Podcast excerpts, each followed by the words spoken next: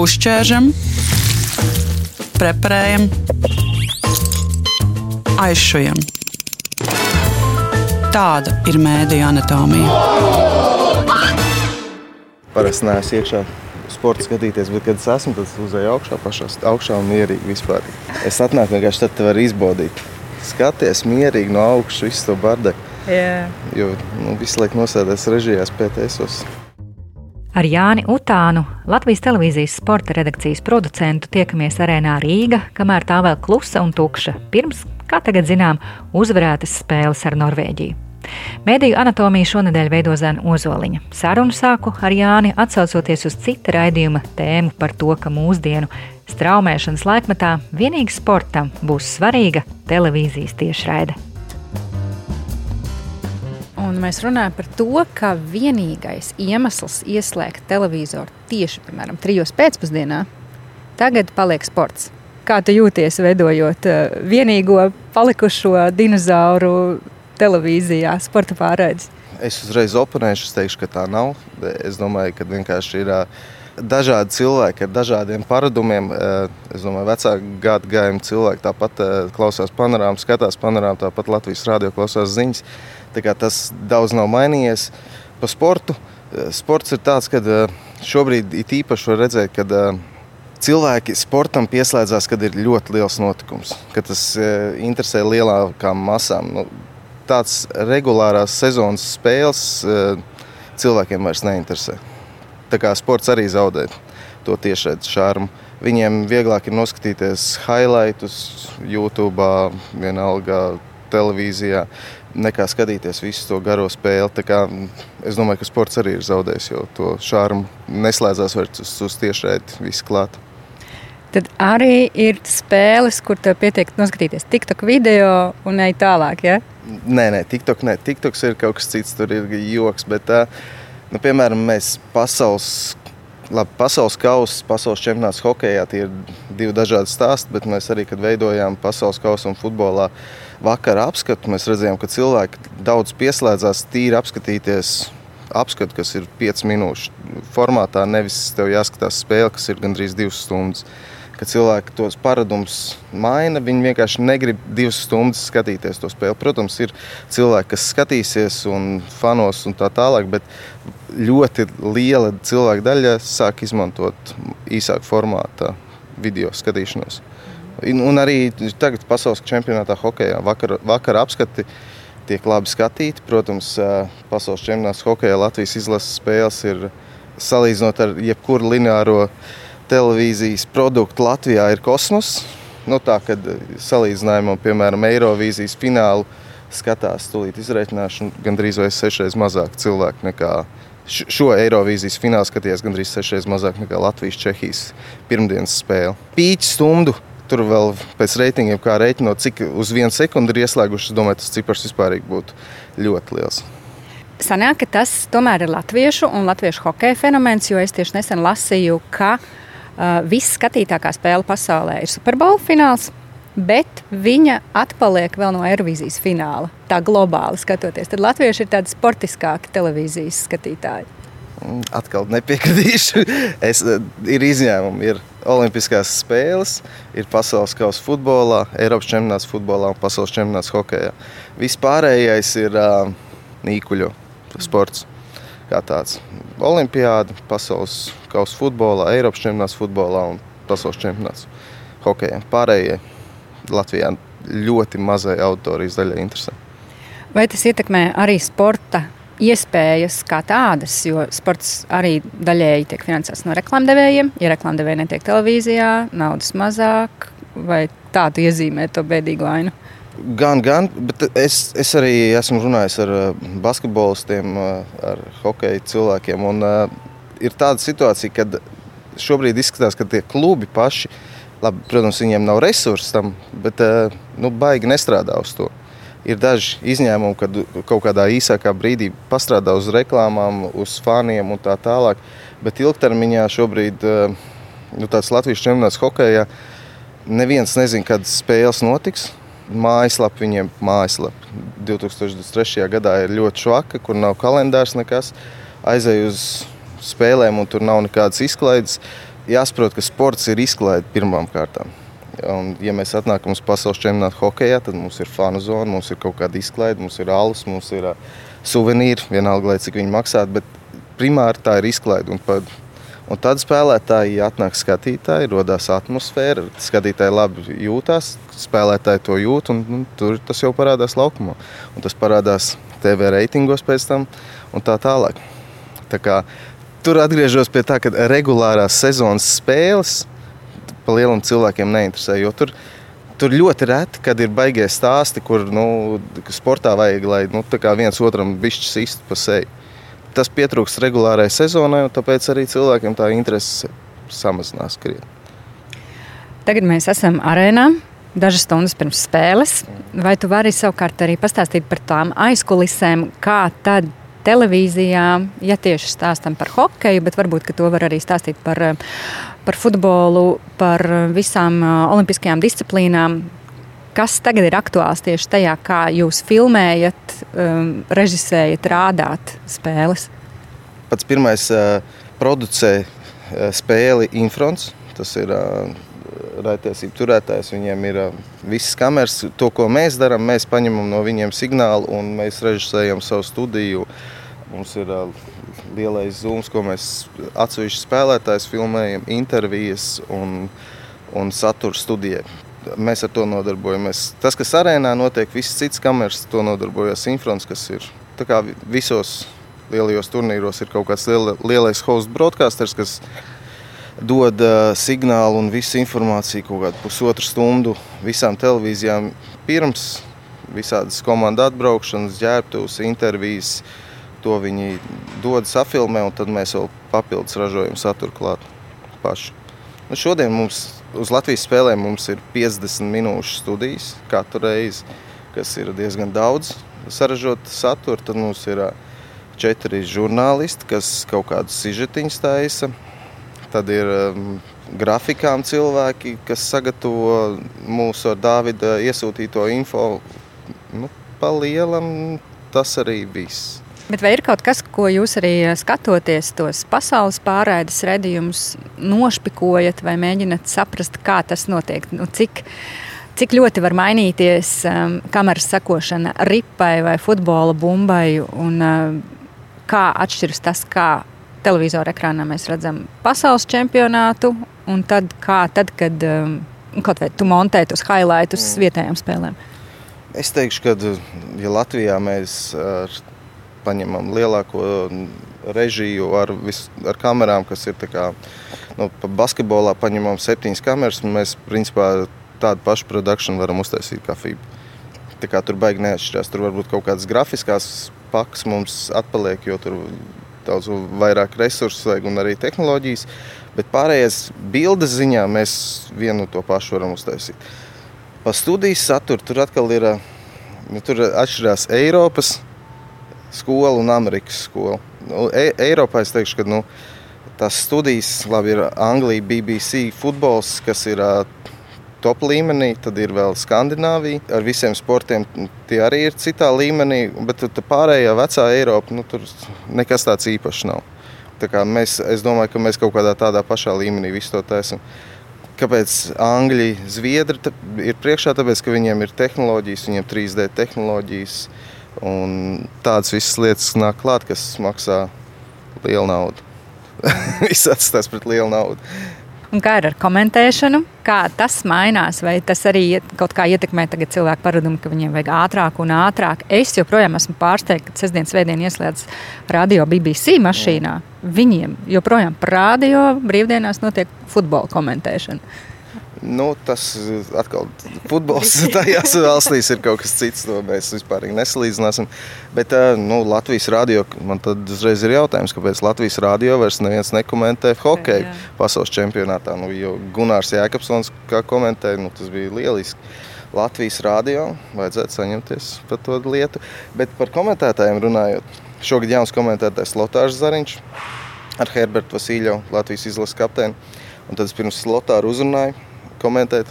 Es viņiem neteicu, kad, kā, vai es gatavs komentēt Latvijas izlases spēles. Pirmais jautājums bija viņam, cik bieza tava āda ir. Vai tu esi gatavs kaut kādu laiku dzīvot kaut kādā burbulī un ar nevienu nekomunicēt.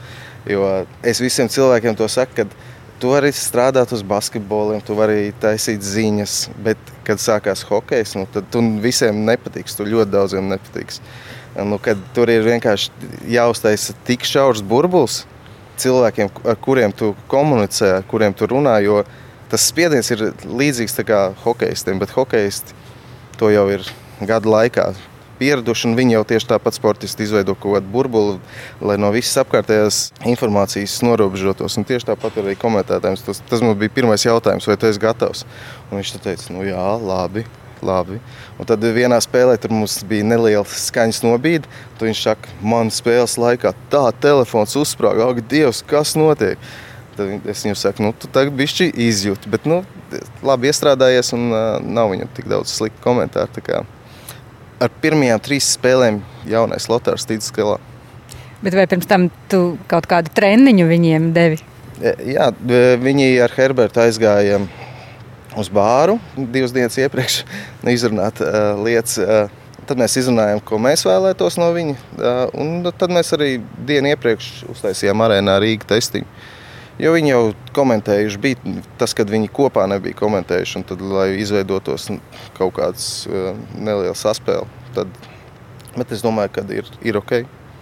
Vai mainās arī tas, kā hokeisti vispār sportisti uztver uh, televīziju. Tagad man šķiet, vienā no iepriekšējām dienām redzēju, man uh, ļoti patika um, emocionāli piepildīts. Uh, vienkārši video no ģērbtuves, kur pēc uzvarētas spēles nāk mūsu spēlētāji.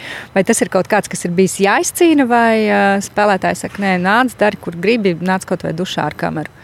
Tas ģērbtuvē, kur ir labvēlīgā tipa dziesma, skanēja, tas ir host, host broadcaster noteikums, kad ir 30 sekundes ģērbtuvē, kamera ieiet nofilmē. Tas ir vienkārši noteikumi. Bet par spēlētāju komunikāciju ar mēdījiem. Nu, ir tādi, kas aiziet, nerunā, bet es, es teikšu, ka ir ļoti uzlabojies tas viss. Un arī spēlētāji bieži vien, te, kad viņi paši neatbild kaut ko, nu, tā atbilde, nu, jā, spēlēsim savu spēli. Viņi jau pēc tam kaut ko redz televizorā, vai kāds pasakā viņiem to, un tad viņi paši saprot, nu, labi, es, es vienkārši izskatījos stulbi, ja, ja es neatbildēju. Lai arī tas jautājums varbūt nevienmēr būs viņam patīkams, bet nu, viņš saprot, ka ir jāatbild. Tā kā Latvijā es domāju, ka ir ļoti mainījusies tā situācija sportistu un mediju attiecībās. Es no eh, kaut kādiem senākiem laikiem, kad strādāju ziņu dienestā, ir tā, ka sestdienas svētdiena arī, um, piemēram, žurnālisti, kuri parasti sēdz politiku, tiek pie sporta dažreiz. Mm. Un man vienmēr bija tā, ka nu, tas ir ļoti, ļoti patīkams sižets, jo ir emocijas, ir iznākums, viena uzvara, viena zaudējums. Kā tev ir? Tas jau nav tikai par to. Jūs arī uh, analizējat un ceļat augšā kaut kādus nepatīkamākus tematus. Uh, nu, kur, kā jūs izlemjat pirmkārt sabalansēt to, mm. un kurā brīdī um, tur tā lavierēt vai nelavierēt, vai tas ir tā strikti? Nu, gan, gan tur tā viena atbilde nav. Protams, skaidrs, ka nevienmēr visu informāciju, ko tu zini, vajag teikt, tas vispār cilvēkam kā tādam. Bet uh, nu, galvenais jau man, man liekas, uh, neizdarīt ļaunu tam cilvēkam, par ko tu runā. Nu, Jo jāsaprot, ja tieši runā par sportu, nerunāšu par sporta funkcionāriem, bet par sportistiem, nu, viņi jau 99% atdod visu. Viņi tur trenējās divreiz dienā, kādam sanāk, kādam nesanāk. Nu, tā, tieši tāpat arī žurnālistam. Kādam citam dzīves jomas pārstāvjiem arī kādreiz nesanāk, vai viņi uzreiz tā brutāli kā lai maigāk pasakot, brutāli nolikt, un kad viņš neko nemāk un nevar iemest golu. Nu, es vienmēr tādu, es vienmēr esmu bijis tā, tā kā sportists pusē. It īpaši, ja redzu, ja viņam ir pareiza attieksme, es vienmēr saku, nu, meklējam kaut kādus attaisnojumus. Jo, jo bieži mēs neredzam, kas ar to sportistu ir, vai viņš ir vesels. Vai tagad iznāk info, ka Kaspars Daugovičs no viņa pēdējās pārbaudas spēles Dānijā lieto antibiotikas, jo auss iekaisums ir. Mēs tādas nianses nezinām, un to arī nu, neviens nesaka, lai pretinieku komanda neuzzinātu.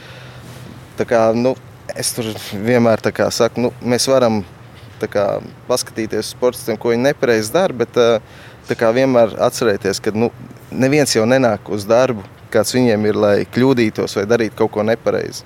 Tāpēc nu, tur to robežu nevar atrast pēc sajūtām. Nu. Klau, kā ir? Es kā skatītājs ieslēdzu televīziju, un labi, ir skaidrs, ka katru pavasari ir pasaules čempionāts hokeja. Bet otrs, kāpēc es nevaru ieslēgt Latvijas televīziju pa nakti, paskatīties, kā porziņš spēlē, piemēram? Kas tur ir par iemeslu, kāpēc viena televīzija rāda vienu, cita citu, citam vispār man ir jāmeklē apkārt ceļi caur internetu? Nu, tās ir autortiesības, licenču maksas, nopērk NBA raitiesības, kas maksā naudu, tad tā televīzija var rādīt. NBA pa naktīm skatīties, cilvēki neskatās vispārīgi. Tērēt Latvijas televīzijas sabiedriskā mēdīņa naudu, tas būtu pilnīgi neliederīgi. Kas vēl, ah, nu, noteikti, ja runā par šo čempionātu hokeju kā tādu, tad uh, noteikti ir jautājums, kāpēc mēs Latvijas televīzijā nerādām visas spēles, bet rādām tikai Latvijas. Tad tur tā atbilde ir ļoti vienkārša. Ar Teitu ir noslēgts līgums. Latvijas televīzija ar Teitu uzvarēja tenderī un dabūja tiesības rādīt pasaules čempionātu hokeja. Tad Latvijas televīzija rāda visas Latvijas spēles tiešraidē. Un uh, Teicis rāda un var izvēlēties visas citas čempionāta spēles, kuras rādīt. Tad sanāk, ja vakaros, piemēram, nespēlē Latvijas komanda, tad TET kompānija izvēlās, kuru spēli viņi gribēs rādīt, un tad to otru spēli mēs Latvijas televīzijā varam rādīt vakarā 20.20, 20, kas sākās. Tā kā pa lielam mēs nenosakam kalendāru, kuras spēles rādīsim, tikai Latvijas spēles, kas, protams, ir visloģiski. Bet par citiem, vai ir tā, ka ir kaut kādi tādi superdārgi sporta veidi, kurus var atļauties tikai tādas kompānijas, kas strādā ne tikai vienā valstī, bet, piemēram, nosaka Skandināviju Baltijas valstis, jo tās samaksas ir kosmiskas? Olimpiskās spēles, pasaules kausa futbolā, Eiropas čempionāts futbolā. Nu, tie ir trīs notikumi. Olimpiskās spēles Latvijas televīzijā līdz Brisbenai, ja nemaldos. Tas ir 2032. gads. Eiropas čempionāts futbolā vairs nav Latvijas televīzijā, un pa pasaules kausa futbolā man tā šķiet arī vēl nav skaidrs. Tā kā nu, privātās kompānijas skaidrs, ka cīnīsies par lieliem sporta notikumiem, nu, un, un sabiedriskais mēdījis vairs vienkārši nespēja konkurēt tajās izmaksās. Olimpiskās spēles tur ir cits stāsts, tur ir EBU iesaistīts, un tur iet vairākas kompānijas, eh, gan Latvija, Lietuva kopā, bet um, uz tādiem notikumiem kā futbols, hokejs, tur sabiedriskajiem mēdījiem ļoti grūti būs. Ja vien tas nav, es, es nezinu, kas Čehijā rāda, Čehijā varbūt arī hokejs ir tāds, kur sabiedriskais mēdījis varētu samaksāt, vai Anglijā, bet uh, Latvijā nepavilksim, nepavilksim vairs, es domāju. Vai tevi kā sporta raidījumu producentu sarūktina šī nākotnes aina? Nē. Pastāst, kas tev iepriecina, kā, kā jūs dzīvosiet? man man ne, neiepriecina. Ne, nu kā, nu, mēs jau visi dzīvojam pasaulē, kur viss ir iespējas. Jau uz translācijām jau mēs jau esam tik daudz, cik mēs esam. Tā kā mūs jau aicina arī citur strādāt uz kaut kādām translācijām. Gan pasaules līmeņa, gan, gan vietējām. Tā kā dzīve jau turpinās. Un, un, un tas jau ir tie sporta lielie fórumi, tas ir tāds mazs kripatiņš, tas ir kā saldējs ēdiens mums. Ja pasaules čempionāts hokeja, tad divas nedēļas notiek, tad nu, tas ir 365 dienas, pārējās mēs strādājam, tad divas nedēļas mēs kā, ēdam saldo. Protams, strādā vēl trīskārši daudzumā, bet nu, tas, ka tu ir tas lielais festivāls un ir tas lielais notikums, kad cilvēkiem tas ļoti interesē. Nevis, kad pārējās sacensības, kad tu mēģini kaut ko uzburt, uzburt bet tu skaties, ka nu, tā skatītāja daļa ir tik maza, ka dažreiz nolaižās rokas. Bet, nu, Bet, nu, tomēr tu jau arī teici, ka komentētāji uzreiz saņem 18 īsiņas. Ja kaut kas nav ne tā, tad tu droši vien jūti to atgriezenisko saiti. Varbūt, ka skatītāji nav miljons, bet viņi ir tie, kas ar jums runā. Es atgriezenisko saiti, nu, mums vienīgais ir redakcijā telefons, kurš zvana. Pārējā atgriezenisko saiti es baigi necenšos meklēt. ja agrāk varbūt tam vēl kaut ko paskatījos, tad tagad esmu sapratis. Nu, tieši tāpat tā kā komentētājiem teica, tieši tāpat es arī dzīvoju. Nu, kad mēs esam savi cilvēki, viens otru atraduši, viens otram uzticās. Tie arī ir tie, kuru viedokli tu klausies. Nu, jo pārsvarā mēs katrs gan arī aizjām mājās, vēlreiz noskatās to studiju, nākamajā dienā kaut kādu mazo analīzi uztaisam. Tā kā pārsvarā mēs savā burbulī dzīvojam. Es nezinu, kāds, es zinu, kāds varbūt tam, kurš sācis lasīt komentārus, pēc tam nevar izturēt to visu, bet uh, es, es, ne, es nav tas. Bet jūs arī sporta redakcijā esat tāds kodols, kur tas pamatu pamats ir diezgan spēcīgs un nemainīgs. Tas droši vien arī palīdz strādāt.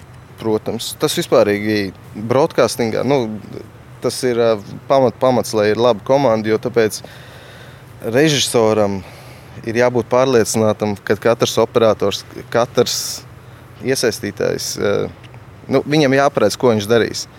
Tāpēc tā komanda ir izveidojusies arī pasaules čempionāts hokeja.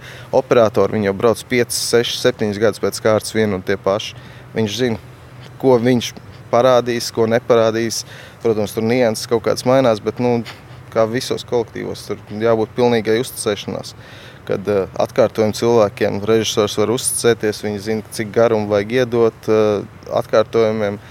Operatoriem viņam nav jāstāsta, meklē piespēlētāji vai vārtu guvēji. Protams, pirms tam jau izrunā kaut kādas detaļas, bet spēles laikā nu, tur, tur nav tāda laika tādām detaļām. Tur vienkārši 2, 5, 7, 8 un iet uz priekšu. Tā kā nu, komanda tas ir arī šeit, Latvijas televīzijā. Visi katrs zina savu vietu, un uh, pēc pirmās tiešraides katrs zina savu vietu. Līdz pirmajai tiešraidei stresiņš visiem. Kas tev, ja ir, kas tev būtu tāds lielākais izaicinājums, ko tu tuvākajā laikā gribi izmēģināt, paeksperimentēt, izdarīt ēterā? Nē, nu 3D tas noteikti būtu. Kā tas izskatītos? Principā galds būtu, Ernsts Dārvids runā, un viņam blakus iznāk, piemēram, Kaspar Daugu viņa portrets ar statistiku un tādām lietām. Un kamera var izlidot cauri. Latvijā, es domāju, tas tuvākos piecus gadus nebūs, bet esmu bijis Dānijā, kur viņi tā formulas rāda, un tas ir tā iespaidīgi. Process nav sarežģīts, tikai atkal tehnoloģija, cilvēku resursi kas eh, Latvijā smagi pieklibo. Ne, nevis tādā ziņā, ka nav cilvēku, bet tos cilvēkus vienkārši labos nevar noturēt. Viņi atnāk, viņi ir tādos kurzos, tu vari ieguldīt, bet eh, ar Latvijā viņus nevar noturēt. Viņi brauc visi projām, jo tur viņus novērtē labāk. To mēs starp citu zinām arī hokeja, ka taču daļa no Latvijas operatoriem jau kuro gadu, man liekas, jau var teikt gadu desmitus, tagad daļa ir no sākta gala Somijā un strādā tur. Latvijā arī te strādā operatoriem. Nu, tā ir, tā ir. Principā, ja aizbrauc uz kaut kādiem lielākiem sporta formiem, vienmēr atradīs Latviju priekšā kādu. Pie kameras. Gan pie kameras, gan pie skaņas, gan pie atkārtojumiem, gan režisors. Tā kā latvieši ir visur. Ir visur. es nezinu, bet man gribas kaut kā nu, izdomāt risinājumu, kā tomēr kādu vēl atvalināt atpakaļ, lai to 3D īstenotu agrāk nekā pēc pieciem gadiem. Varbūt jāsaslēdzās Latvija, Lietuva, Igaunija kopā.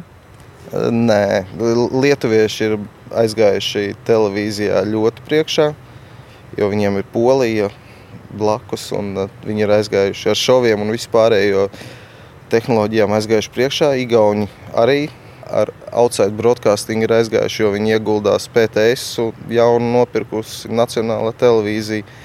Tā kā mēs iepaliekam vēl. vēl iepaliekam.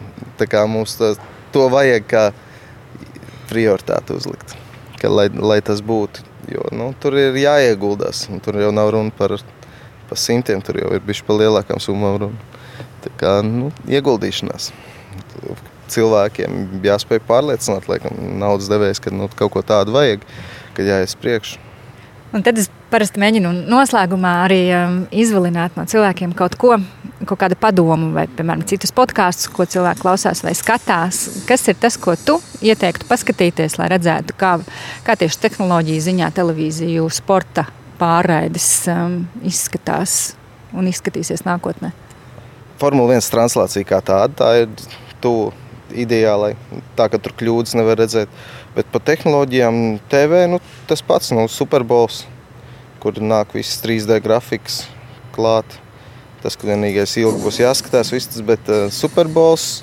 Bet atkal, nu, tās grafikas, viss pārējais nav tik svarīgs, kā ir, uh, kas notiek uz laukuma, kā tie spēlētāji spēlē un apkārt radīta atmosfēra.